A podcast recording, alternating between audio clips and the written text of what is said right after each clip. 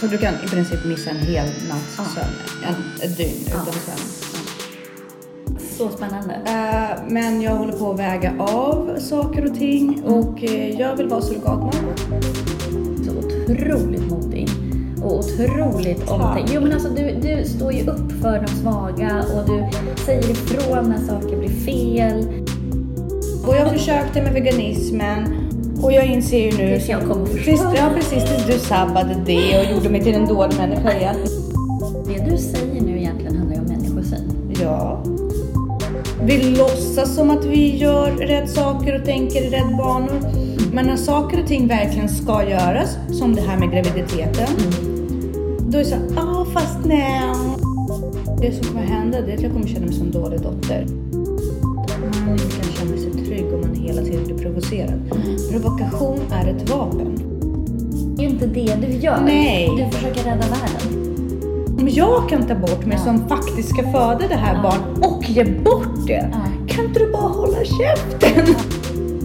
För det gör ju mycket ondare om du är rädd och inte vet varför. Oavsett vilken religion, land, Mm. vart jag än befinner mig, 10% av befolkningen är assholes. För att det var så jobbigt att ha barn i Sovjet. Alltså det handlade om att koka lakan. Alltså villkorslös kärlek är ju the shit.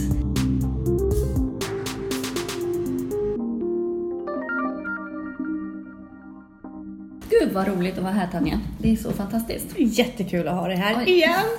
Har vi äntligen fått till ett fika. Ja, det är så skönt att du gillar att fika lika mycket som jag gör. Ja. Mm. Jag har ju eh, åkt från Djurö idag, stressade tillbaka hit och har hamnat här i ett supervarmt Stockholm, eller jag Ja. säga, men Lidingö. Det är skönt ändå. Jag vet att alla är trötta på värmen och jag är själv väldigt trött på den. För den är klibbig och nu kan man inte längre ha de kläder som man vill Mm. Och så är det egentligen. tabu att klaga på den också. Ja, men samtidigt jag bara vet att sen kommer mörkret Mm. och kylan komma och jag bara, nej men nu njuter jag, nu skiter jag i det. Nu måste vi njuta av värmen. Fast man får klaga också. Ja, Men bara kom ihåg Mm. att vintern kommer lång och mörk. precis. Nej, men det är super, super härligt. Men jag känner mig lite sådär halv...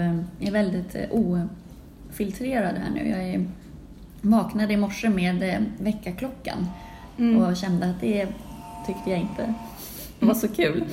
nej, Men jag är också väldigt sådär fokus på att min kropp ska funka. Jag måste sova ordentligt, jag måste äta rätt, jag måste träna. För det blir så himla mycket jobbigare annars också. men du berättade att du går upp ungefär fem på morgonen i vanliga fall. Vaknar du utan väckarklocka då? Ofta. Eh, det beror lite på hur sent jag har gått och lagt Mm. mig. Eh, och hur, ibland så kan ju inte jag somna. Mm. Det händer ju ganska ofta. Att Mm. jag inte somnar förrän typ tre. Ändå, även fast jag har legat i sängen sen kanske tio. Oj, oj, oj. Ja, eh, men, eh, och då är man ju, det är det värsta, när man har legat vaken typ hela natten och sen så somnar man typ en halvtimme innan klockan ringer. Ja. Då är man ju inte skön. Nej, nej. Men eh, vad, är det, vad är det som händer? Är det din kropp som inte vill sova Mm. eller kommer ner i varv eller är det dina tankar som får dig att hålla dig vaken? Ja, det är lite svårt. Jag tror, jag har ju ätit sömntabletter och sånt där för Mm. att komma till bukt Men nu har jag ju börjat med den här aminosyran för ett halvår sedan. Mm. Och det funkar jätte, jättebra. Så att jag tror att det är väldigt mycket min kropp. Jag kommer ju in i perioder när jag blir så speedad. Mm. Och då förstår inte min kropp att den måste sova. Och så att tid, när jag var yngre, då sov jag ju inte för att jag, först, alltså jag var inte trött. Men då blir ju fallet sen blir ju brutalt. Ja. Och då ja. blir man ju helt, då kraschar man ju. Så att jag har ju lärt mig att jag måste sova, ja, antingen jag vill eller inte. Men ibland gör jag ju också så att jag säger, okej har jag inte somnat före klockan tre, Mm. då går jag ut och springer eller börjar dagen då istället för att det är så här, ja, Så du kan i princip missa en hel natts Ja. sömn, en, ett dygn Ja. utan sömn. ja. Ändå ganska fascinerande. Jag förstår ju att det leder till eh, ganska svåra konsekvenser men det är ändå på något sätt önskar inte alla de kunde göra det när det behövdes. Liksom på något sätt. För jag kan ju somna vart som helst. Jag kan somna på tåget på vägen hem. Mm. Jag kan sova en halvtimme på min lunchrast. Ja. Jag kan bara lägga mig ner och sova. Och det känns som att jag aldrig kommer ut ur det. Mm. Jag kan alltid lägga mig ner och sova. Gud vad skönt. Jag tror att vi har lite i min släkt. Min mamma sov jättedåligt. Jag hade precis min kusin med på landet. Hon sov jättedåligt. Hon är ju å andra sidan hon är supernattuggla. Mm. Eh, så att, och vi pratade om det. Eh, för det var också, Danne sa någon gång så här, om inte jag somnar, alltså jag somnar samtidigt jag lägger ner huvudet Mm. på kudden. Och jag är så här, oj, om jag somnar inom en timme från att jag har gått och lagt mig, det är en bra kväll. Mm. Så att jag är ganska, och sen sover jag ju väldigt ytligt. Och där gör också den här aminosyran att jag liksom får en bättre kvalitet på sömnen. Så att ändå återhämtningen blir bättre. Mm. Intressant hur människor funkar ändå väldigt olika. Mm. Men det har säkert med kemi att göra och sådär. Och, och vad vi äter och hur vi... Ja, Mm. Att man kan påverka. För det märker jag också om jag då vaknar av väckarklockan och är väldigt trött och inte tränar. För att om jag tränar direkt på morgonen då återställer jag hela min kemiska balans. Så då är, jag, då är det ingen skada skedd. Ja. Men om jag går upp och är trött, dels är jag ju trött resten av dagen. Ja. Men framförallt är jag väldigt, väldigt ledsen. Alltså grund... Ja. Är att vara ledsen. Ja. Och det är väldigt tråkigt. Och dålig initiativförmåga och bara sådär. ja. Jo men det kan jag förstå. Jag, jag kan också känna mig ledsen av att vara trött. Mm. Och det tar ett innan man kommer på det. Ja. Varför just det här med... Jag har ju en historik med depressioner och sådär. Ja. varför är jag ledsen? Vi är ju ganska lika där också. Så, För att jag är också...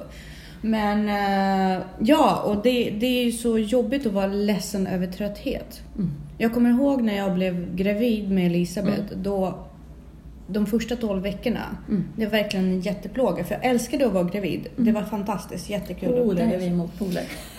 Nej, ja, det var bland det roligaste jag gjort. Gud, vad Första gången i mitt liv som jag inte behövde hålla in min mage. Kunde bara vara stolt över den och bära lite tajta kläder och Mm. tjoffa lite. Men den här tröttheten de första 12 veckorna, den gjorde mig vansinnig. Jag sov konstant. Mm. Det var, så, det var så frustrerande för jag fick inte saker gjorda. För jag har alltid varit rätt så aktiv med att liksom prestera, göra saker, fixa i ordning och bla bla. Och sen så gick det inte för att jag var hela tiden trött. Ja. Jag var tvungen att sova hela tiden Mm. och jag jobbade fortfarande. Så när jag inte jobbade i princip så sov jag, vilket var Mm. jättetråkigt. Men det avtog ganska bra Mm. efteråt. Men, och på tal om graviditet Ja.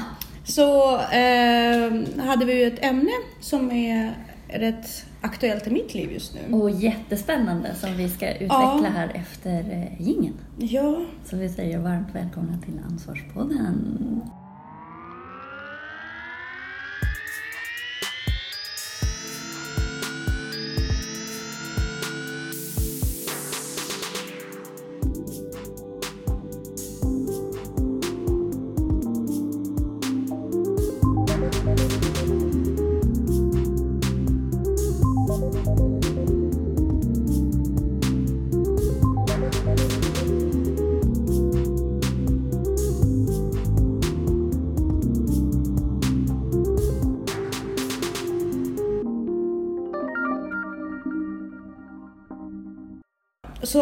Ämnet är ju fortfarande inte utrett så jag vet inte Nej. hur det kommer sluta. Så spännande. Eh, men jag håller på att väga av saker och ting och eh, jag vill vara surrogatmamma Mm. åt ett homosexuellt par. Mm. Och då kommer jag inte bara vara surrogatmamma utan eh, äggdonator också. Mm. Så barnet kommer vara hälften mitt. Mm. Vilket är helt okej för mig. Ja, men Ja. det ju, det kan ju ställa till lite mer känslomässiga... Ja, folk säger det. Ja. Men jag känner inte det. Ja, men jag tänker också för dina släktingar. Och Ja, och det är där, eh, men de, de vet ju inte om det. De vet om att jag... Först nu. Ja, men precis. Mamma, jag vill bara säga att, eh, nej men eh, problemet är ju att, eh, eller problemet är ju inte det, men jag och Victor vi vill inte ha fler barn. Nej. Vi är ganska säkra på att vi är nöjda med ett barn. Mm. Det funkar bra för vår livsstil. Men jag har ju kapaciteten att föda fler barn. Mm.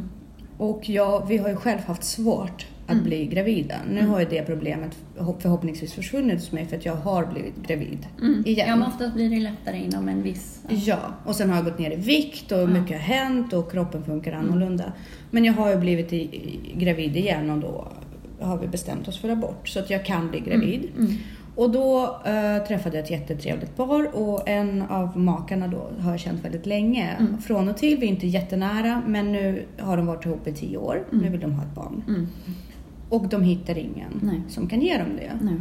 Så när jag hörde det var det ju så naturligt och spontant att jag bara, men jag gör det. Det är så fint. Alltså, för Nej. det är ju en väldig uppoffring. Och... Fast jag känner ju inte att det är det. Det är det som är grejen. Ja, men just också att du går in i den där känslan att här, jag vet själv hur svårt det kan vara. Mm. Vem skulle hjälpt mig? Ja, Så. och jag vet ju att i mitt umgänge, alltså folk säger att jag hade gjort det och så vidare Mm. och så vidare. Men de hade inte gjort det för att Nej, jag det är känner... inte självklart. Nej, det är inte självklart. Och jag beskyller inte någon Nej, för det. nej. Mm. Men eftersom jag saknar den här spärren liksom. men på något sätt är det ju så. På något sätt är det ju kanske inte det normalaste man kan göra. Att bara Eller så ge bara bort ser du helheten. Du ser inte din personliga Nej. liksom, utan du ser i... Nej men jag tar mig själv i den här ekvationen. Ja, jag tänker så här, resurser, förmågor, Ja. Funktionalitet, Ja. epitimisering liksom. Det är ju otroligt fint, för det är inte många som är så stora. Ja, eller så, alltså jag är fortfarande där, jag fattar inte, är jag liksom legit lite crazy? Mm. Eller bara ser jag saker från ett annat perspektiv för att jag jobbar med barn och har haft svårt med Ja. vissa saker själv. Och men jag tror att du liksom, ser väldigt holistiskt på det. det gör jag. Sen är ju också det här är jättespännande just ur sådär ansvarsfrågan Mm. I Och där känner jag också, alltså, jag kommer aldrig kunna göra någon fantastisk välgörenhetsarbete. Det finns inte inom marginalerna Nej. för mitt liv. Ja, Liksom. men det här kanske är din grej. Ja, och då tänker jag så här, det här är verkligen bidrag mitt världen. bidrag. Och jag försökte med veganismen. Och jag inser ju nu... Tills jag kom och förstöra. tills, Ja, precis. Tills du sabbade det och gjorde mig till en dålig människa igen. Nej, absolut inte. Jag, om någonting så är jag otroligt tacksam för det, för jag mår verkligen mycket bättre. Det gör jag. Eh, Veganismen är svårt, den passar inte mig. Nej. Sen undviker jag vissa råvaror ändå, liksom, som Ja, rött kött. Men, men det handlar ju liksom... Det handlar ju mest om hur jag mår nu. Ja. För jag inser att jag mådde inget bra. Mm. Det, det blev inget bra för min vikt och tröttheten. Men tillbaka Mm, till det mm. som vi pratar om. Jag bara svävar bort. Skönt när man är så ofiltrerad. Eller? Fortfarande sommarkänsla. Så, eh, och då är det ju ganska naturligt för mig att göra den här grejen. För då kan jag ändå säga så här, det här har jag gjort. Mm. Jag har gjort så mycket jag kunnat. Jag har verkligen inte dragit tillbaka mig utifrån fördomar och massa konstiga tankar. Utan jag kan ge, jag ger. Ja. Punkt slut. Ja. Och det är så självklart i mitt huvud. Det är så häftigt. Och det är så självklart för Viktor, Mm. min man då. Men, eh, men, Mm. min familj, mina föräldrar. Det måste vara jättesvårt. Det är där spärren sitter. Och eh, det, Samtidigt är det ju faktiskt, det är ditt beslut. Ja, men det är inte så enkelt. Nej, verkligen inte. Därför att min mamma har en otrolig förmåga att få mig att känna dåligt samvete. Mm. Än idag. Mm. Jag har ju alltid varit mammas flicka. Mm.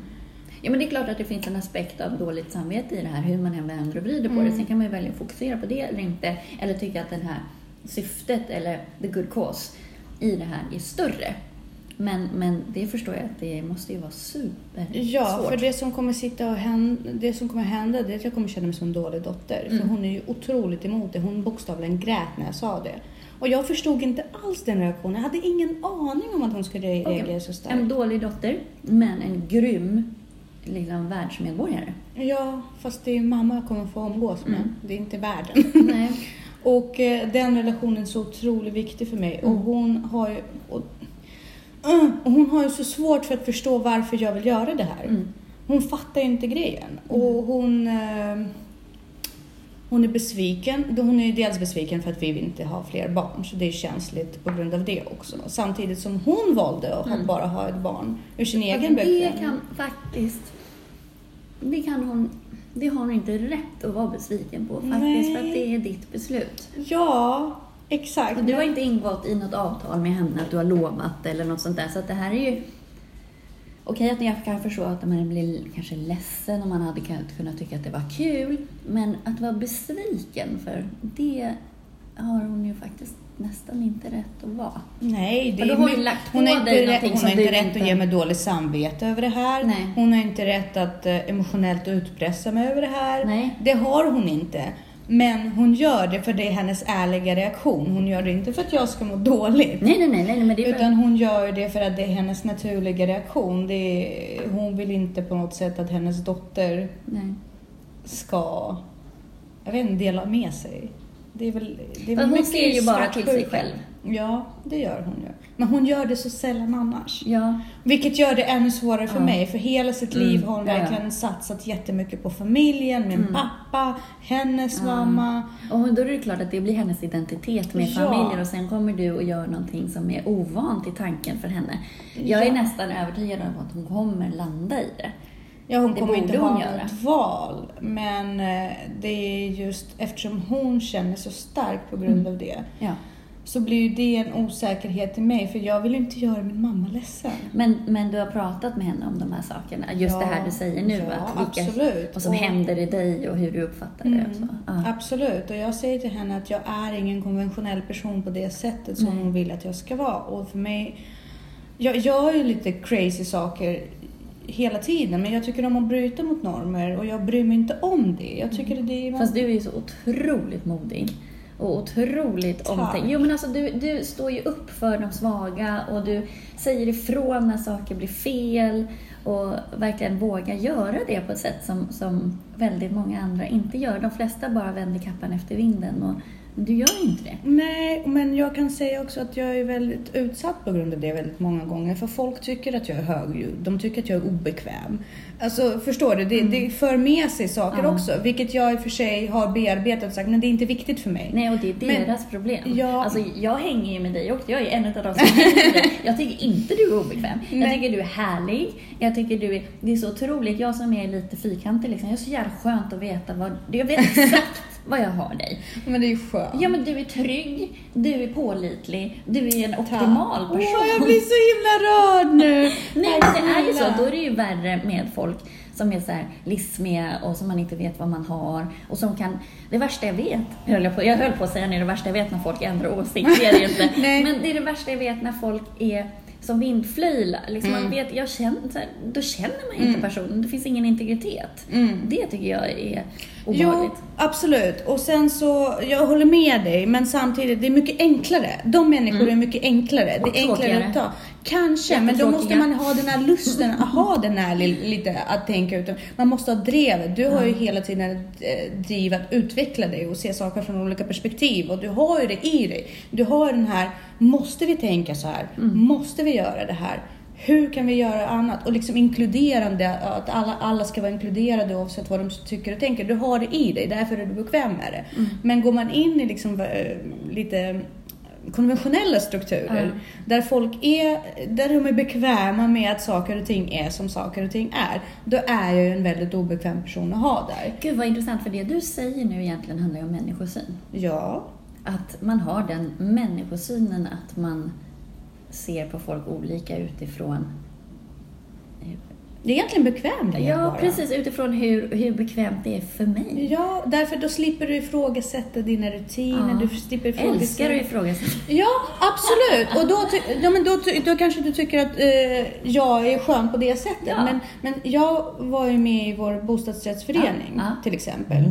Som består... Ja, jag var väldigt stolt över att jag blev Men tillfrågad. det är ju svåra konstellationer, bostadsrättsföreningsstyrelser. Ja. För det är ju folk, nu är jag ju jättefördomsfull här och så, men om man ska, om man hårdrar det lite, Mm. så är det ju, det är lite maktmissbruk och, Absolut. och folk som, som tycker att de är viktigare än vad de är. Ja, och, sådär, och, och är osköna, kan vara osköna. Så det finns jättemånga härliga bostadsrättsstyrelser. Jag kan säga att vår styrelse är fantastisk utifrån sin, eh, ut- utifrån sin kompetens. Ja. De är helt fantastiska. Vi Men det kan lätt här småtjafs om ingenting. Men det är pensionärer, Ja. män, Mm. eh, som har varit höginkomsttagare.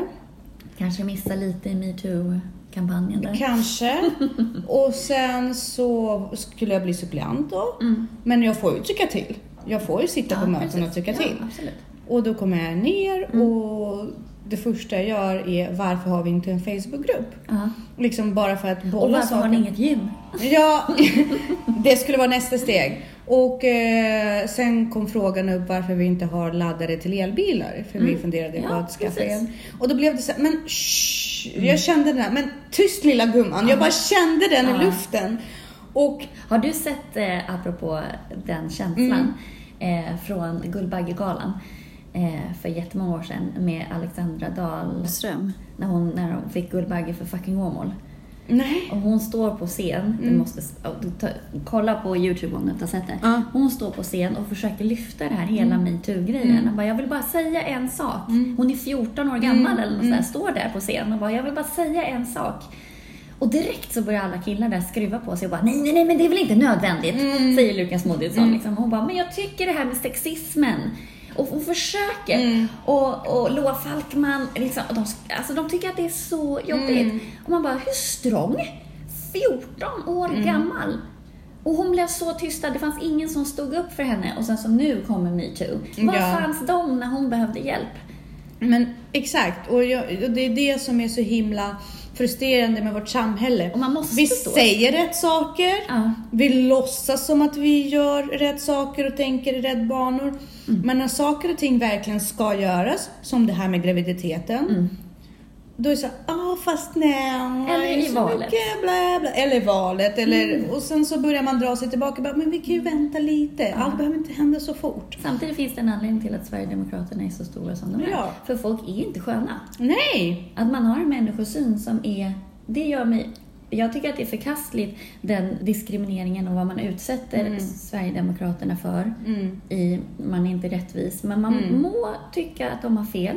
Rösta inte på dem då. Nej men absolut. Men, men behandla dem inte på det sättet. Nej, därför att det, det, de Det har ju också- kommit med. Ja, och det är lika Och det är mobbing. oskönt. Ja, men det är som, mobbing. Ja, det är det. Vuxenmobbing Ja, egentligen. ja. Och sen tyck vad du, vad, vad du tycker vill liksom, och, och så vidare. Och ta diskussionen på högre nivå. Ja. Och liksom... Mö, bemöt med argument, inkludera, fråga Exakt. varför tycker du så här? Kom med här, känn dig trygg, då kanske man ändrar åsikt. Ja, för att det som händer, det är mer hat man utsätter dem Mm. Det är för. exakt det man kritiserar Ja, dem för. ja. Så att då är man lika oskön själv. Precis, för då kan man bara, men kolla det här är inte så farligt. Vi Nej. sitter ju alla här tillsammans. Precis. Varför måste du vara så? Kom med och liksom, och då skulle, ja.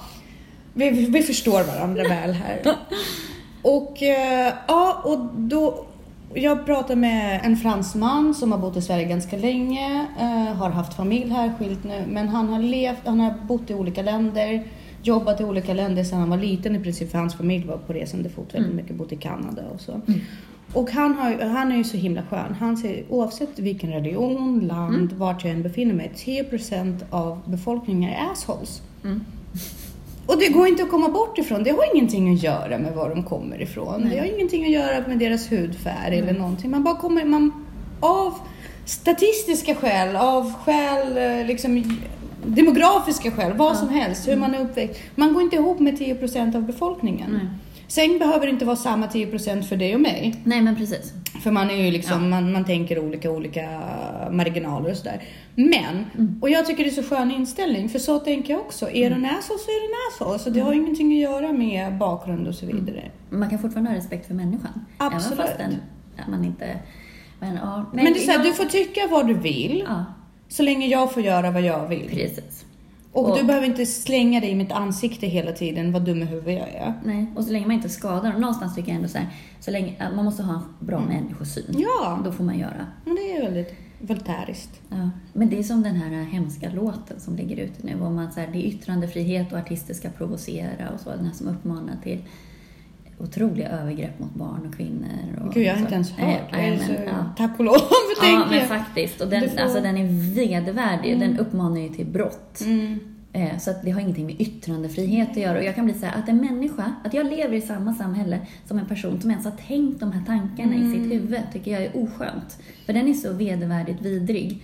Men det- Eh, nu ska ju SVT, han ska ju vara med i något program på SVT och då känner man så här, skulle man släppa fram en sverigedemokrat som uppmanade till fortsatt judeutrotning, Mm. eller skulle man ju inte göra. Men det här är, är ju en svensk person Mm. och liksom, men just att man då gömmer det bakom att det är Yttrandefrihet. yttrandefrihet och provokation. Det är inte yttrandefrihet att uppmana Nej. till våldtäkt av barn eller sexuella övergrepp Mm. till döds av kvinnor. Eller, det, alltså, Nej, det är en men alltså för mig är det lika mycket att säga som att, ja, eh, jag kommer ihåg... eh, Det är en uppmaning till, till mord och brott. Ja men det är som att säga, vi har byggt en trappa Mm. så du kan ta dig upp till en rullstolsburen. Det är liksom, tanken är ju någonstans, det, det finns där ute, men, men du kan inte utnyttja det och Nej. det blir samma sak fast tvärtom. Ja, Jag, jag vet ja. inte. Det är så här, Nej men det är så sjukt så det, man... det, Det, man har gjort någonting bra. Ja. Man har skapat någonting Men man fint. skämtar. Man säger, det är också så här, ja, men de som är för det här, Mm. man ska säga, eller, att det, det är yttrandefrihet och det är ett skämt. Det Fast- finns inget skämt Nej. med att skada barn. Nej. Aldrig någonsin. Eller överhuvudtaget någon. Nej. Eh, sen är ju barn känsliga för de inte kan... De kan inte försvara sig, de Nej, precis. utelämnade ändå. Men, Men, den, men, men det är... Ö, det är en människosyn som är oskön jag vill inte ha den här. Ja. Faktiskt. Och då blir jag också såhär, gud stackars den här människan som har skrivit den här låten. Vad har han varit med om? Som ens tycker att det, Det är kul. att det här är, är... Det är klart att det är provocerande för att det är olagligt. Ja. Och om vi ska ha ett fungerande samhälle så kan vi inte ha individer som går runt och tänker sådana här tankar. Problemet- Och tycker att det är kul. Problemet är att folk fattar inte att man inte kan känna sig trygg om man hela tiden blir provocerad. Mm. Provokation är ett vapen. Ja. Därför den får dig att komma i obalans. Och visst, om man, om man är på en arena där båda är med på det, Mm. liksom där vi sitter och okej, nu kommer jag bli provocerad, jag är beredd. Mm. Men om man blir det i vardagslivet Mm. Så är det väldigt orättvist därför att man måste hela tiden mentalt försvara sig mot Mm. sånt skit. Ja. Och du får ju en inställning också att, att folk, det blir ju en viss form av att någon är ute efter dig eller skadar Ja. dig. Det, du går inte runt med en känsla av att folk vill mig väl. Nej, när de absolut provocerar inte. dig. Och då- Sen så kan man ju all välmening provocera lite grann för att få folk att utvecklas. Och, men Absolut. då är ju också hur man säger det. Och, Men det blir på bådas villkor. Ja. Jag vill inte sätta på radio Mm. Med min dotter i baksätet Nej. och höra något sånt. Nej, och jag tycker så här, fine, han får jättegärna vara med i SVT, men då är det ett debattprogram. Ja. Där man lyfter att han får försvara sin eller att man försöker argumentera Mm. för eller emot. Att jag tycker inte man ska tysta.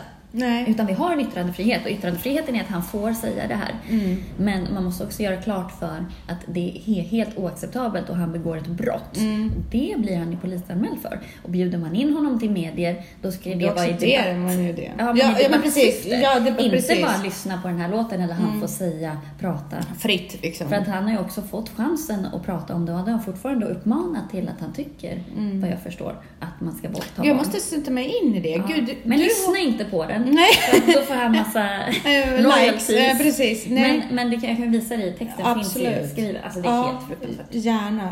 Jag eh, hänger inte med media så mycket, alltså nyhetsmedia tyvärr. Nej, men det inte jag heller. Jag så dåligt av det. Ja, jag med. Och, jag blir, och sen ju mer jag lyssnar på det, desto mer avtrubbad blir jag för det. Och det är inte en skön känsla heller. Mm. Nej, nej, jag vill inte. vara avtrubbad för Nej. när saker och ting Exakt händer. så känner jag också. Vad lustigt. Ja, men det blir ju konstigt Ja. därför att jag vill inte att det här negativa ska vara en normalitet i mitt liv. precis. Och jag tänker att tillräckligt viktiga nyheter, de Mm. kommer ju drabba mig ändå. Exakt. Så precis så tänker jag också. Händer det något stort, då Ja. kommer jag få veta det. Ja. Så att eh, då... Och, och men det, man är intresserad små- av, som nu i Ja. valet när jag är Ja. helt förvirrad, då söker jag ju upp Ja, information. ja men vad, precis. Och då kan man sträcka sig ut och söka själv och då samlar man in den informationen som man på något sätt vill. Men det är också en sån grej som gör att vi är som vi är i samhället. Vi är överlastade med information. Mm. Så att jag vill prioritera vilken information Mm. jag tar till mig och när. Precis. Precis. Sen har vi, vi har ju inte neutrala nyheter heller. Alltså vår nyhetsrapportering är ju inte helt... Men för att på tal om överbelastade med information och Ja. tillbaks till min Ja. graviditetsgrej. Det här blir en natur, oh, jätteskön naturlig övergång när jag dessutom understryker det. Eh, när jag var gravid så var folk eh, på mig såhär, men har du läst det här? Har du Ja. läst det här? Jag läste ingenting. Nej. Jag blev gravid, Mm. överlycklig över att jag var gravid. Sen bara rullade jag. Mm. Jag läste inte om riskerna, jag läste Nej. inte om någonting. Varför? Nej. Det är ju det mest naturliga som kan hända. Vi har gjort det i alla Ja. år. Alltså jag läste ju inte när Elisabeth lärde sig att Nej. gå Nej. vad hon skulle göra eller vad man ska vara rädd för. Utan hon lärde sig att gå. Ja. Då måste jag kunna, liksom innan det Ja. blev så- fel ordning tidsmässigt. Men jag menar... Ja. eh, men var eh, då må, förberedd. ja, men då måste jag ju kunna vara gravid. Alltså Ja, utan att behöva att läsa jag- på saker. Ja men verkligen. Men jag känner nog så här, jag, jag är ju så himla intresserad av kroppen och hur det fungerar så jag läste ju koll av intresse, så Ja. vad är det som händer i kroppen, hur Ja. funkar det här och så. Och sen så läste jag på ganska mycket om så att jag var helt, för mig är det så viktigt att ha kontroll. Ja. Så att i förlossningen att jag visste varje steg, exakt vad det är som händer. Och när det passerar något spinalutskott så, så är det ganska vanligt att man kräks. Och så Mm. Då behöver man inte bli rädd till varför kräks jag just nu eller varför. Alltså då behöver man ju inte vara rädd för smärtan för det gör ju mycket ondare om du är rädd och inte vet varför. Jag var bara rädd för en sak. Va?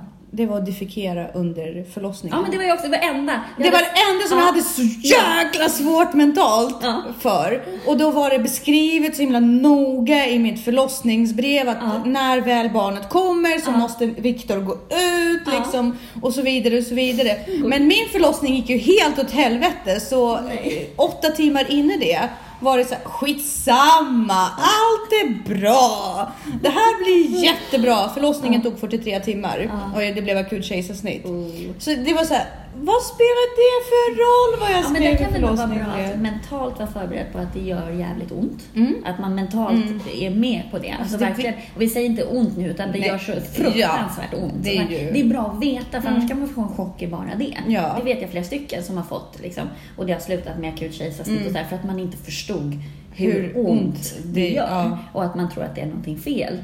Eh, men det gör ju så ont så att man håller på. Nästa steg Ja, alltså att det, dör. det, och skräcken. Alltså, det är ju sån ångest för den här smärtan kommer Ja. i omgångar. Ja. Så det kanske inte är så farligt men den här ång smärtan är ju farlig, det är inte det jag menar. Men det är värre med ångesten att du vet att den kommer upprepas. Ja, och upprepas och upprepas. Men om du bara vilar i att så här, det kommer komma, Ja. det är bara att gilla läget. Liksom. Så, då tror jag att man, då låser man sig inte så mycket för att de jag känner, eller många av dem som har fått göra akut Mm. kejsarsnitt för att de inte orkar och för att de, det är för att de har ju börjat spänna sig Mm. och kämpa emot istället för att bara vila Nej, i smärtan. Att Åtta här- timmar in i mina verkar skrek jag ge mig droger. Ah. Och jag var såhär, jag vill inte, för då tappar man... Jag vill absolut inte bli bedövad, för då inbillade jag mig att man tappar kontroll och finmotorik och risken för att spricka är större. Det var min större, så här, Ja. Det var så stort Ja. för mig, liksom att så här, nej, Det nej. är så, nej, nej, utan det var bara ge mig droger. Ja. Och det var bra tänkt för att det pågick ju sen i ytterligare ett och ett halvt dygn. Ja. Så jag skulle aldrig klarat av det i alla fall. Liksom. Nej, jag- Men, det är bara ett dygn. Så att, ja, nej, så, usch, usch, usch. Men ja. jag har absolut ingenting att göra om det. Nej. Det, Problemet är att min mamma inte vill. Jag har inte ens berättat det här för min pappa. Jag vet att den fighten, och hon, hon säger så här, han kommer dö. Hans hjärta kommer inte klara av det. Varför måste jag bära det här? Ja. Fast å andra sidan, jag tänker så här, frihetskämpar och människor som har stått upp för mänskligheten och de som har gjort verkligen stora ting. De måste ju ha haft det jobbigare än vad jag har nu. På något sätt. Det här är inte en jättestor Men det är ju dock en väldigt allvarlig re- relationsproblematik Mm. faktiskt. För att det är en sak om man säger okej, hon kommer, att man vet det, att det här Mm. kommer bli bra i slutändan. Men det vet du faktiskt Nej. inte. Och det är också att man kan ju bara hålla tummarna och Mm. hoppas. Mm. Eh, Det, det kommer vara så otroligt jobbigt för mig att sitta vid julafton till Ja. exempel med en Ja. Och att Ja. folk liksom bara totalt ignorerar det. För att om man tittar från din mammas perspektiv så Mm. kommer ju hon tänka så här, hon vet att det här är så jobbigt för mig Mm. och ändå gör hon det. Mm. Så då blir det också så här, hon sårar mig medvetet. Ja, ja. Och det är ju inte det du gör. Nej. Du försöker rädda världen. Exakt! Det är, men, det, men det är ju så Du är för mig. Jeanne. Ja, men jag känner det. Och Ja. det här handlar verkligen inte om mig som individ. Det är det jag försöker förklara för Nej, henne precis. också. Jag tar bort mig själv som Ja, individ i det här. Det här gör inte jag för glory. Det här Nej, gör hon inte jag... måste också ta bort sig själv som individ. Ja, och om jag kan ta bort mig Ja. som faktiskt ska föda det här Ja. barnet och ge bort det. Kan inte du bara hålla käften och göra det lättare för mig? Precis, för du vet i slutändan att jag gör någonting som är rätt. Och du finns ju fortfarande kvar oförändrad. Ja, ja. Och Däremot det, så ger ju du bort en del av er DNA. Hade det varit lättare för henne om men du hon vet inte om det. Nej, för, Hon att, tror att jag kommer vara surrogat, alltså det kommer vara ett annat ägg. för att då kan jag känna så här, om det inte finns någon, någonting av din DNA Nej, nej, jag skulle inte ens då- våga berätta det för Nej. henne. Varför? Men jag kan podda om det. Nej men för då känns det väldigt så här, Då finns det ju ingenting att vara, eh, liksom tycka någonting om. Det är, som, exakt. det är som om du skulle transplantera bort en njure eller någonting Ja, sånt. men, men det, det skulle jag inte heller få göra. Nej, i och för sig, det är din DNA i det. Ja, det är, min- nej, det, det är inte det. är- Det är att jag påverkar mitt, min livslängd också. För då Ja, tar jag ifrån ja, mig själv från min familj. Men då kan du så här, eh, man får ju så himla mycket stärkande hormoner och grejer av en graviditet om det går bra. Så det är ju- Jessica, logik går inte hem Nej, ja, det här är ju känslor. Och Det här är helt känslor och känslor är jobbiga för de är Ja. ologiska, man kan Ja, inte argumentera, man kan bara säga jag älskar dig så mycket, Ja. jag älskar dig så mycket. Det här har Ja. ingenting med det att göra, vår relation kommer vara där. Ja. Och jag känner det är så himla orättvist att jag inte får chansen att utvecklas som person och ta Är det din här mamma, steget. är hon för eller emot abort? Hon är ju för abort. Hon är för abort. Hon har ju själv Det gjort här är bara en abort. väldigt sen abort. Ja, sant. Men någon annan får ju den. Ja, fast du, då är hon ju för rätten att du äger din kropp. Ja, det är hon absolut. Hon är bara inte för rätten att jag ger bort hennes potentiella barnbarn. Fast det, Ja, fast det, nej, Ja. inte. Det är så komplicerat, det är så frustrerande. Och jag tror också Mm. att väldigt mycket av det här ligger i hur obekväm det kommer vara för henne Mm. att prata med folk om det. Fast hon behöver inte prata med folk. Jo, fast de kommer se mig på sociala medier, vi har släkt i Tyskland och i USA och bla bla Fast det är bla. väl Och... fantastiskt att du gör det här för världen. Fast inte postsovjetiska judar. Jag vet det. Alltså, de- det är väldigt, väldigt speciell klunga av människor med väldigt fasta åsikter om saker och ting. Och jag, jag vet Mm. Att de flesta inte skulle tycka att homosexualitet och så har Nej. något med det att göra. Det är inte det. Nej. Men det är just det här, men hur kan hon, en mor, hon Mm. ska vara mamma, hur kan hon ge bort det egna barnet och bla bla bla. Och då är det så här, folk vet inte hur vi lever hemma, hur okonventionellt det är, hur jag inte är den mamma. Men där ser man ju farligheten med att fastna i för, inte inskränkta ska jag säga, men för starka traditioner Mm. och band och sådär. För det gör oss mindre som människor. Ja, och det är det. Jag älskar min familj över Mm. allt annat i världen. Och mina, för, min relation med mina föräldrar är underbar. Jag älskar öppenheten och hur mycket de har stöttat mig. Och allting. Men jag är 34. Mm. Och det är fortfarande så himla svårt att jag kommer till henne med ögonen i marken och bara Mamma, får jag göra det här? Fast då ger du ju henne makten också att göra så här. Jag vet. Så att du måste också förändra. Jag tror på den här grejen att om man vill förändra en relation så ska man gå in i den relationen och låtsas att den redan är så som man vill ha Mm. den. Så att om du vill ha en annan relation där, då ska du, du låtsas att du redan Mm. är där. Mm. Och, och bete dig som om du redan är Mm. där. Mm. Och sen får man strunta i och till slut kommer den bli så. För mamma är i en, det här är också bidragande faktor, Ja. mamma är själv i en väldigt svår relation med sin mamma, med min Ja. mormor. Ja. Jag har en fantastisk relation med min mormor, hon älskar mig över allt annat i världen. Men hon har svårt för min mamma och de har alltid haft en relation där mamma har behövt tillfredsställa min mormor och liksom kämpar Ja, järnet och då med... återupprepar det sig. Exakt! Så du, för din mammas skull måste du sluta tillfredsställa henne. Ja, men då är det ingen som tillfredsställer henne för då får hon ingen kärlek av sin mamma. Vad har hon för kärleksspråk? kärleksspråk? Ja, Du menar hur vi uttrycker kärlek Ja, till varandra? precis. Vi hänger. Ja, så tid tillsammans Ja, är viktigt för ja. henne. Ja. För då, egentligen så, så fokusera på det. Mm. Att kvalitet, och just som, som det här du sa förut, att man verkligen värderar tiden tillsammans. Mm. Att det inte blir slentrian och att man sitter med mobilerna, utan så är det att, att du fokuserar på det i relationen till din mamma. Att du säger, kan inte vi gå ut och fika? Ja. Kan vi inte göra, gå och titta på den här Mm. utställningen Mm. eller gå till eh, Så- Rosendal Ja. eller liksom verkligen så här överös med Mm. kvalitetstid tillsammans.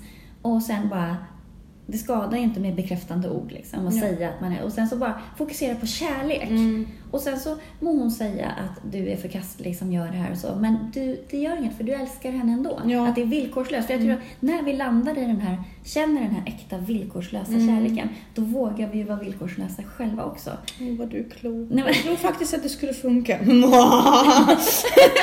Nej, men jag tänker om hennes relation Ja. till sin mamma är villkorad, Ja. som den ja, låter, absolut. då har man ju svårt att öppna upp Mm. och vara trygg. Mm. I, men om man, alltså jag tror att alltså villkorslös kärlek är ju the shit. Ja, det ska det man är det. sträva efter i Ja. sina relationer. Ja. Jag hänger inte med Danne för att jag får något. Nej. Jag hänger med honom för att jag genuint älskar honom Folk som har så svårt för det. Folk har så svårt att ta emot det. Sen så kan det vara så, skulle det vara så, Mm. att, att han på något sätt skulle göra saker som var oskönt eller inte respekterade mig som människa, då skulle jag ju gå därifrån. Men jag skulle förmodligen älska honom ändå. Mm. Ja. För att alltså, jag kommer alltid älska honom. Mm. Sen så kan det ju vara så att man väljer att gå ur relationer för att det inte funkar av andra skäl. Mm. Men min kärlek till honom är ju villkorslös. Mm. Alltså jag känner igen det så himla mycket. Som den är till mina barn. Ja. Som den är till mina föräldrar. Mm. Som den är till min bror. Mm. Och jag tror att det är den enda riktiga varianten Mm. av kärlek. Absolut. Och då behöver man inte ha de här blodsbanden heller. Nej. Alltså, det är inte det det För att annars är det inte kärlek tänker jag. Då är det Nej. ju bara bekräftelse. Ja. Ja, men Eller- absolut. Gud vad klokt Nej. sagt. Jo men absolut, alltså verkligen Jessica, det är ju det hon behöver. Hon, hon är ju bara rädd Mm. att tappa mig, Ja. egentligen. Och hon är också rädd kanske att tappa, eftersom familj är så Mm. viktigt för henne, tappa ytterligare, tappa Mm. en potentiell Mm. kärlek. Absolut. Och bara överhuvudtaget inte förstå varför jag är så villig att. Ja. Som det är i hennes ögon. Precis. Och det är så kul också för vi har haft diskussionen angående att bara ha ett barn. För hon, Mm. de har ju valt, att, Mm. eller hon har valt, pappa var emot, eller pappa ville ha fler barn. Men Mm. hon har valt att bara ha ett barn. Mm. Var, vet du varför? Ja, för att det var så jobbigt att ha barn i Sovjet. Ja. Alltså det handlade om att koka eh, lakan Ja. på spis. Ja. Och vara bunden till hemmet. Och, Alltså man är så privilegierad. Alltså. och det är helt sjukt. Det fanns, ju, det fanns ju ingen möjlighet för henne att åka in till stan med mig. Nej. Alltså, glöm skötrum. Liksom. Man kunde inte få in vagnen på bussarna. Nej. Så att hon var beroende av min morfar som skulle bära ner vagnen på morgonen. Mm. Och hon var tvungen att vara ute och typ gå. Ja. Tills någon kunde hjälpa henne att få upp vagnen. För man kunde inte lämna vagnen på gården. Liksom. Nej. Det fanns ju inte. Men då tappar man ju hela sitt liv. Och sen när hon väl var hemma då var det att koka lakan. Mm. Och amma. Mm. Och eh, jag vet inte fan vad de höll på med. Odla Gud, det potatis. känns ju som att vem som helst kan ju bli lite sinnesförvirrad. Ja, nej men hon var ju helt posttraumatiserad Ja, efter ja. hon var ju aldrig barn liksom. Nej. Fast jag var ett ganska, enligt Snällt henne själv, var jag ganska snällt barn. Så. Ja. Så att hon är helt, men samtidigt säger hon, du kommer ångra att du inte har fler barn. Mm. Ångrar du att du inte har fler barn mamma? Jag ångrar att jag inte har fler vuxna barn men jag Mm. förstår varför jag tog beslutet då, säger hon till mig. Ja, för kanske så kan jag känna lite grann om jag... Eller liksom just det här att hon kanske ångrar att hon inte hade bättre förutsättningar. Exakt. Att för jag, jag, hade ju, jag har ju varit så hundmänniska. Mm. Eh, men sen efter min senaste hund, eh, jag tog bort henne, så, så jag ville inte ha Mm. Hund. Och där är en anledning jag känner, så här, jag, jag, när folk frågar här, Mm. men vill du, köpa, vill du ha en ny hund? Mm. Jag skulle önska att jag hade ett liv Mm. som hade bra förutsättningar Mm. för att kunna ha hund, Mm. men jag kan inte ha hund i det här livet Nej. som jag lever nu. Och så, sen så har jag hela den här diskussionen som jag tycker, just det här att göra sig till Gud och ta bort det och Mm, bestämma och det är att någon annan levande Usch. varelse inte ska få leva. Den är fruktansvärd, så det vill jag inte utsätta mig för heller. Men jag Usch. kan tänka mig just det där att hon, det låter ju som hon faktiskt skulle vilja ta fler barn, men inte under de förutsättningarna, för det var för jobbigt. Ja, och sen, sen vet jag inte. Alltså hon är inte så, vi är inte så himla klängiga och känslomässiga. Hon har aldrig varit så här, oh putte putte min lilla Nej. bebis, bla bla bla. Utan vi har ganska så här skön förhållande till Mm. varandra där vi är lite så här, du är chill och jag är chill Mm. och vi älskar varandra och vi kan prata och diskutera men vi kommer aldrig sitta ihopgosade i en, Nej. i, och bara mi, lukta på min bebis liksom. Ja. Aldrig, så är Nej. inte jag heller. Det, där, det är så hur man förändras också. Jag vet när Hugo var liten, som är min äldsta, Mm.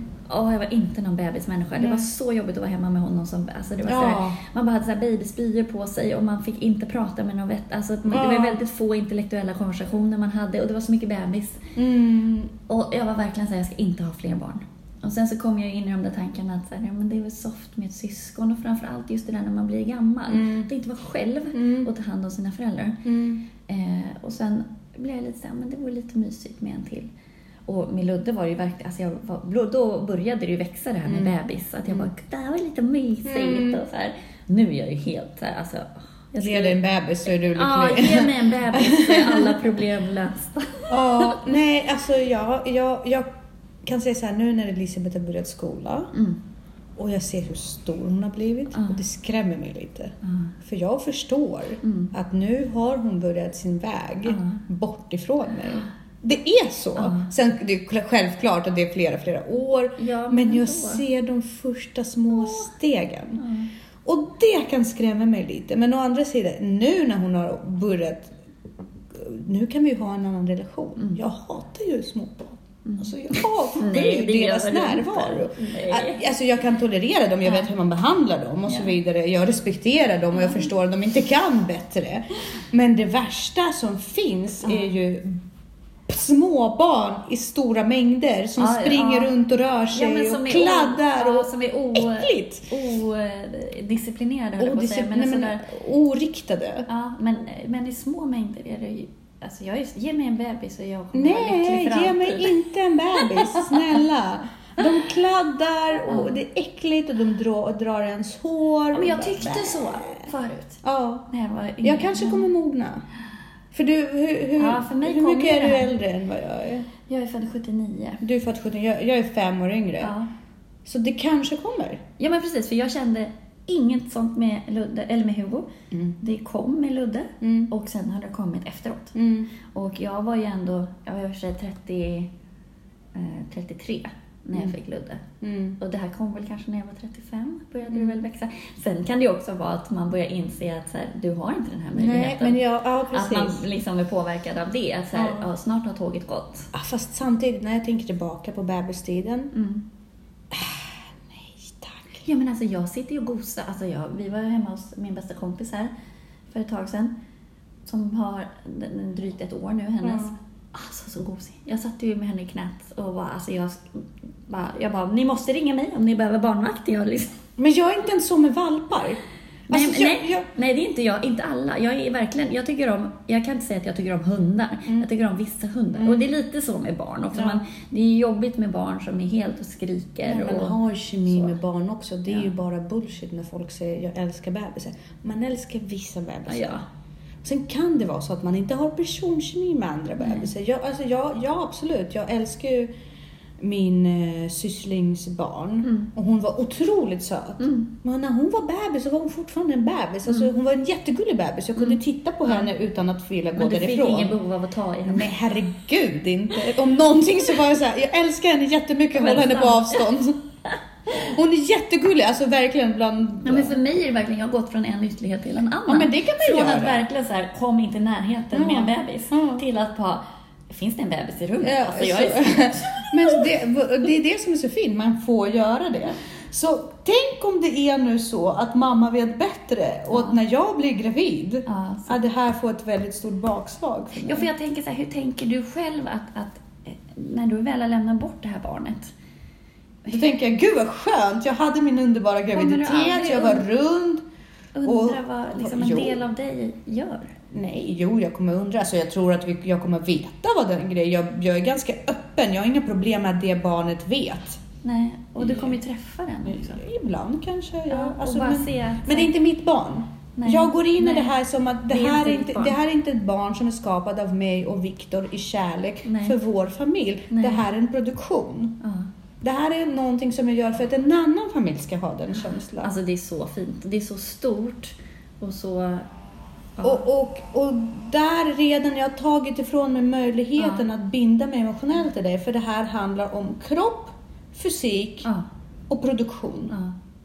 Vet du, jag tror inte att det är alla som har den förmågan att, att koppla bort känslorna på det sättet och jag tror att det är där problemet kanske ligger. Ja, Att- för min mamma i alla fall. Ja, eller för andra runt omkring. Ja, jag vet inte. Jag tycker så här. Har man möjlighet att hjälpa en människa Ja. så ska man hjälpa en människa. Det är självklart, det har alltid varit så för mig. Sen har jag åkt på saker där jag har blivit utnyttjad. Ja, så inte på bekostnad av sig själv. Nej. Det får man ju vara obs Och då får man ju liksom säga Ja. hit men inte längre. Ja, men det är ingen anledning att sluta hjälpa människor. Det är ett drev som jag har i mig. Mm. Jag kan hjälpa människor på bekostnad av min tid. Därför att jag förfogar över min tid. Mm. Och på bekostnad över mina, eh, min styrka och känslor. Mm. För att jag förfogar över det. Inte på bekostnad av min familj. Aldrig. Mm. Men på min egen. Det är samma sak som de pengar jag förfogar över, som är mina privata. Mm. De får jag göra vad fan jag vill med. Mm. Jag kan ge bort dem till välgörenhet. Jag kan ge dem till barn som behöver det. Mm. Men inte Elisabeths pengar, Nej, inte, hennes, nej, inte hennes sparfond. Nej. Liksom inte. Och så har alltid funkat. Och, och jag fattar inte om jag har min kropp som fortfarande Mm. kan producera barn. Vad fan får Ja. inte jag föda ett barn för och ge bort det? Nej, men precis. Jättejobbigt. Jag önskar att fler kvinnor tänkte så. Mm. Därför att jag tror, jag tror att vi måste inse Mm. Alltså, hade man kunnat adoptera lättare, då Mm. hade det varit lättare och så. Mm. Men vi måste inse att det vi har är så fantastiskt, ett sånt Mm. fantastiskt verktyg för att skapa någonting vackert. Ja. Det besläktar ju oss med varandra också på något Verkligen. sätt. Människor Mm. och liksom stämningen i, i världen och Mm. i vår miljö. Och ja, det är konstig tanke om man inte har tänkt på det innan. Absolut. Det förstår jag. Jag förstår Mm. att folk har svårt för den tanken. Mm. Men det är också en väldigt vacker tanke när man ger den tid att gro. Mm. Sen har man ju också olika saker. Jag ska, om jag ska vara helt krass, jag skulle inte klara av det för att för mig är dels en graviditet är så Mm. stor uppoffring på min kropp. Det förstår jag. Och då vill jag gärna behålla Mm. det själv. Om Mm. jag ska göra den enorma Mm. uppoffringen Mm. eh, och åverkan Mm. på min kropp så vill jag ha något för det. Mm. Ja, men ja. Sen skulle jag ha svårt, i och med att jag vill ha Mm. en bebis, Mm. så skulle jag ha jättesvårt att ge bort det. Mm. Eller jag skulle, nej, jag skulle inte fixa det. Ja. Men däremot kan jag göra andra saker Ja. som inte är någon issue för mig, som kanske skulle vara en issue för någon annan. Ja, alltså jag kan ju tänka mig att du lätt skulle kunna ta in en inneboende som skulle behöva Ja, stöd under en period. Och jag liksom. kan låna ut mitt hus och jag Ja. kan liksom sådär. Så Det, det, handlar ju bara om vad man är villig, vad, Ja. vad som är skönt att ge. För jag kan säga så här, hade jag varit opererad, för jag tänker ju Mm. på att operera Mm. mina bröst och Mm. bukoperation, då hade jag inte gjort det. nej. Nej, för då hade det åverkan på din kropp varit för stor. Exakt, men eftersom jag är fortfarande inte opererad, Ja. så eh, jag tänker så här, äh, Ja. det, det, liksom, det spelar ingen roll, jag Nej. gör det, sen fixar jag min kropp. Ja, Liksom. Lika precis. bra, Ja. få in en till. Eh, så ja, och eh, det är spännande, vi kan ha en uppföljning på det, för jag har ju inte bestämt mig än. Nej. Jag, det är nu jag ska bestämma mig, Mm. nu i veckorna. Eh, så att vi får återkomma och se vad det slutar med. Ja, men det är superspännande och framför allt hela den här diskussionen kring relationer och att vi är så olika Mm. och att man känslomässigt måste bemöta människor för att ro dem i land. Mm. Och det gäller allt. Det gäller Sverigedemokraterna, det gäller den här förskräckliga låten. Mm. Det gäller, alltså, att utesluta och använda våld Mm. mot någonting, det, får in, det blir inte en bättre värld. Nej. Om vi ska få folk att förändras så måste vi inkludera, vi måste bemöta med sakliga argument Absolut, och vi måste och trycka på rätt känslomässiga knappar. våga, ja precis, våga fråga dig själv, handlar det här om mig Mm. egentligen? Ja.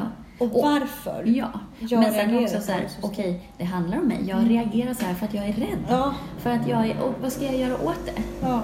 Tänk på vad du utsätter dina barn för. Mm. Vilken stor makt du har Ja. över dina barn. Ja. Och hur jobbigt det kan vara för dem att vara individer Mm. utifrån det du kräver av dem. Ja, Ja, och liksom eh, bara ålägger dem. Ja, Liksom. för de har inget val. Nej. För jag vet att vid 34 års ålder liksom, Mm. arbetar, har egna barn, hund. Liksom, fullst- ja, fullständigt vuxen människa. Jag är fortfarande så beroende av min Mm. mammas godkännande och Mm. bekräftelse. Mm. Och det är intressant. Ja, och vill vi, vill vi att våra barn ska vara det? Nej. Vill vi att de ska vara fria och Mm. känna att de får trygghet och stöttning? Mm. Eller vill vi att de ska vara rädda och beroende? Villkorslös kärlek. Ja, Propagerar jag för. Verkligen.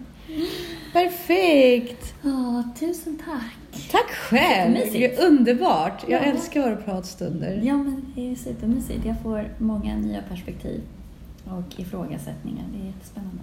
The same kan jag säga. Jag känner ibland också att eh, jag är inte lika... Jag trodde att jag hade så starka åsikter Mm. och visste allting men när jag börjar umgås med dig det blir så intressant för jag, jag, jag breddar ut mina horisont liksom. Men det är oerhört värdefullt också att faktiskt kunna prata om, bara utgå från sig själv. Du har inga svar, du kan inte prata för andra i den här Nej, situationen. absolut Jag kan inte prata för andra när jag utgår från mina från mig. Nej. Men det är så här, bara våga. Man behöver inte vara talesman. Utan man, bara dela vad man känner och lyfta saker man tycker är fel. Och, Men jag tror att det är ett väldigt stort eh, verktyg och eh, faktiskt vapen mot eh, Mm. ohyggliga tankar. Ja. Att våga säga vad man känner. verkligen. Och våga liksom, men ja, jag kan ha fel. Det, Ja. Jag fattar att jag kan ha fel, Ja. men det är så jag känner nu. Varför Precis. känner jag så? Kan Ja. liksom gå... Och inte skylla på någon annan. Utan jag, Exakt. jag känner så här. Mm. Men jag tror inte att det är så många som vågar det, Jessica, om jag ska vara helt ärlig. Jag tror att det är så himla ovanligt att folk kan vara så trygga i sig själva. Vad är det Ja, de- värsta som kan hända? Folk kan tycka. folk kan utesluta dig i flocken Ja. och då dör du. Ja, exakt. Tillbaka till stenåldern. Ja, men exakt. Det är ju så. Det har vi pratat om. Flock. Vi är flockdjur. Ja, jag vill ha människor runt omkring mig som inte som är toleranta och som har en bra människosyn. Som är villkorlösa. Villkorslösa och kan Ja. prata om allt. Ja, jo men detsamma. Och det, jag tror att det är det man kan önska andra också. Finn tryggheten i att berätta vad du känner. Mm. För då kommer, så människor vill ju hjälpa. Mm. Människor är inte skitstövlar som vill klanka ner på dig egentligen. Nej, inte, från början. Sen kan de vara skadade. Absolut, men när man öppnar upp sig. Jag har märkt att om man visar ödmjukhet, som när jag inte kunde bli med barn och folk var så här, ska du inte börja skaffa barn igen? Men jävla idiot, Ja. vad fan tror du? Det är klart jag vill. Ja. Nej, men jag var väldigt öppen med det och sa, vi kan inte, vi försöker, vi, vi anstränger oss, så det är klart vi vill ha barn. Men vi kan inte det. Då märkte jag att folk också Ja. var så himla hedrade på något sätt över att jag inte försökte kringgå ämnet. Utan Nej, men sen också att man svarade. kommer på sig själv. Shit vad obetänksamt av mig att säga sådär. Ja, det är men klart det- att du försöker, eller, eller det behöver Det inte vara klart. det är Nej, inte det behöver klart. inte. Det är inte klart. Men eh, likadant om man ger folk tips och tricks och sådär. Mm. Inte utgå från att människan inte redan har tänkt tanken, Mm. utan vara mer ödmjuk i att Mm. så här, jag tänker så här. Mm. Du har säkert redan tänkt på det själv, men, men hur tänker du kring det? Eh, Ja, eller bara vara helt ärlig så här. Jag undrar, vill ni, är ni, håller ni på att skaffa barn? Nej men Ja. du vet så här, inte Ja. men är det inte dags snart? Eller Nej. någonting så här käckt. Utan Ja, vill ni ha barn? Det där är jättespännande med det här ödmjuka förhållningssättet. Och det glömmer man ju själv ofta. Men det är så bra att då få det tillbaka bara shit. Mm. Åh, tar han... apropå det, det är så skönt, vi sitter och kollar på Ally McBeal. Mm. Och där är det ju sån här, apropå att trampa i klaveret, hon har ju verkligen så här, det kommer ju upp så här bilder när hon Ja, tänker. ja. Och just där i senaste avsnittet så var he- flera gånger så bara eh, att hon så här, put your foot in the mouth. Ja. Alltså bara åkte in sa fot i hennes mun. Men Ally McBeal var ju det bästa Ja. meme-showen liksom, innan memes kom Ja. på Instagram och allt det. Var ju Så fantastiskt. bra. Så, himla bra. Så det, rekommenderar vi. Se om Ally McBeal. Och vänner. Fantastiskt. Ja. Och Modern Family. ja, jag var inte så förtjust i Modern Family. Nej, Men det finns en fantastisk scen med han, vad heter han som har baseballansikte? Eller baseballhuvud i Modern Family. Du menar... Nu eh, menar jag kanske South Park. Den tecknen. vad menar du? Vilken är Modern Family? Modern Family, Den det är, där de det, det är eh, en pappa som har mycket yngre fru från Latinamerika. Okej, nej det är inte den. Förlåt. Jag har helt fel serie. Du tänker på South Park? Ja, jag tänker på South, Park. ja. Nej, den är inte jag För heller Modern så jättefin. Family var ändå tecknad, var den inte? Nej, nej okej, det är en sitcom. off. Okej, Ja. jag har inte sett den. Nej, Jag är helt borta. se den. Ja. Du kommer älska den. Ja. Den är så mycket som våra samtal på många sätt och vis. Sen Eh. kan jag också rekommendera According to Jim. Den är så sjukt Mm, rolig. ja, jo, den är med Jim Belushi. Ja. ja den är bra. Och Eh, eh, Courtney eh, Thorne Smith, hon är också med i Ally McBeal. Ja, just det. Just det. Hon i- spelar hans fru. I Melrose Place. Ja, det är klart. Melrose. Åh, vad tiden Jag tror att vi går. måste bryta nu. Jag tror det. Nu går vi in för helt olika spår. Nu får vi prata off. Ja, off, vi börjar eh, jobba på mikro. måndag, så att ja. nu är sommaren över. Och eh, allvaret börjar. Ja. Och eh, snart närmar sig första september. ja, jag har faktiskt kollat upp. Det är en lördag. Ja, Det är en lördag, vilket är helt okej. det är helt okej. Man måste bra. inte börja på en måndag. Nej, bra. Det måste man inte, utan vi kör på en lördag. Ja. Så vi säger tack och hej. Hej då! Hej då.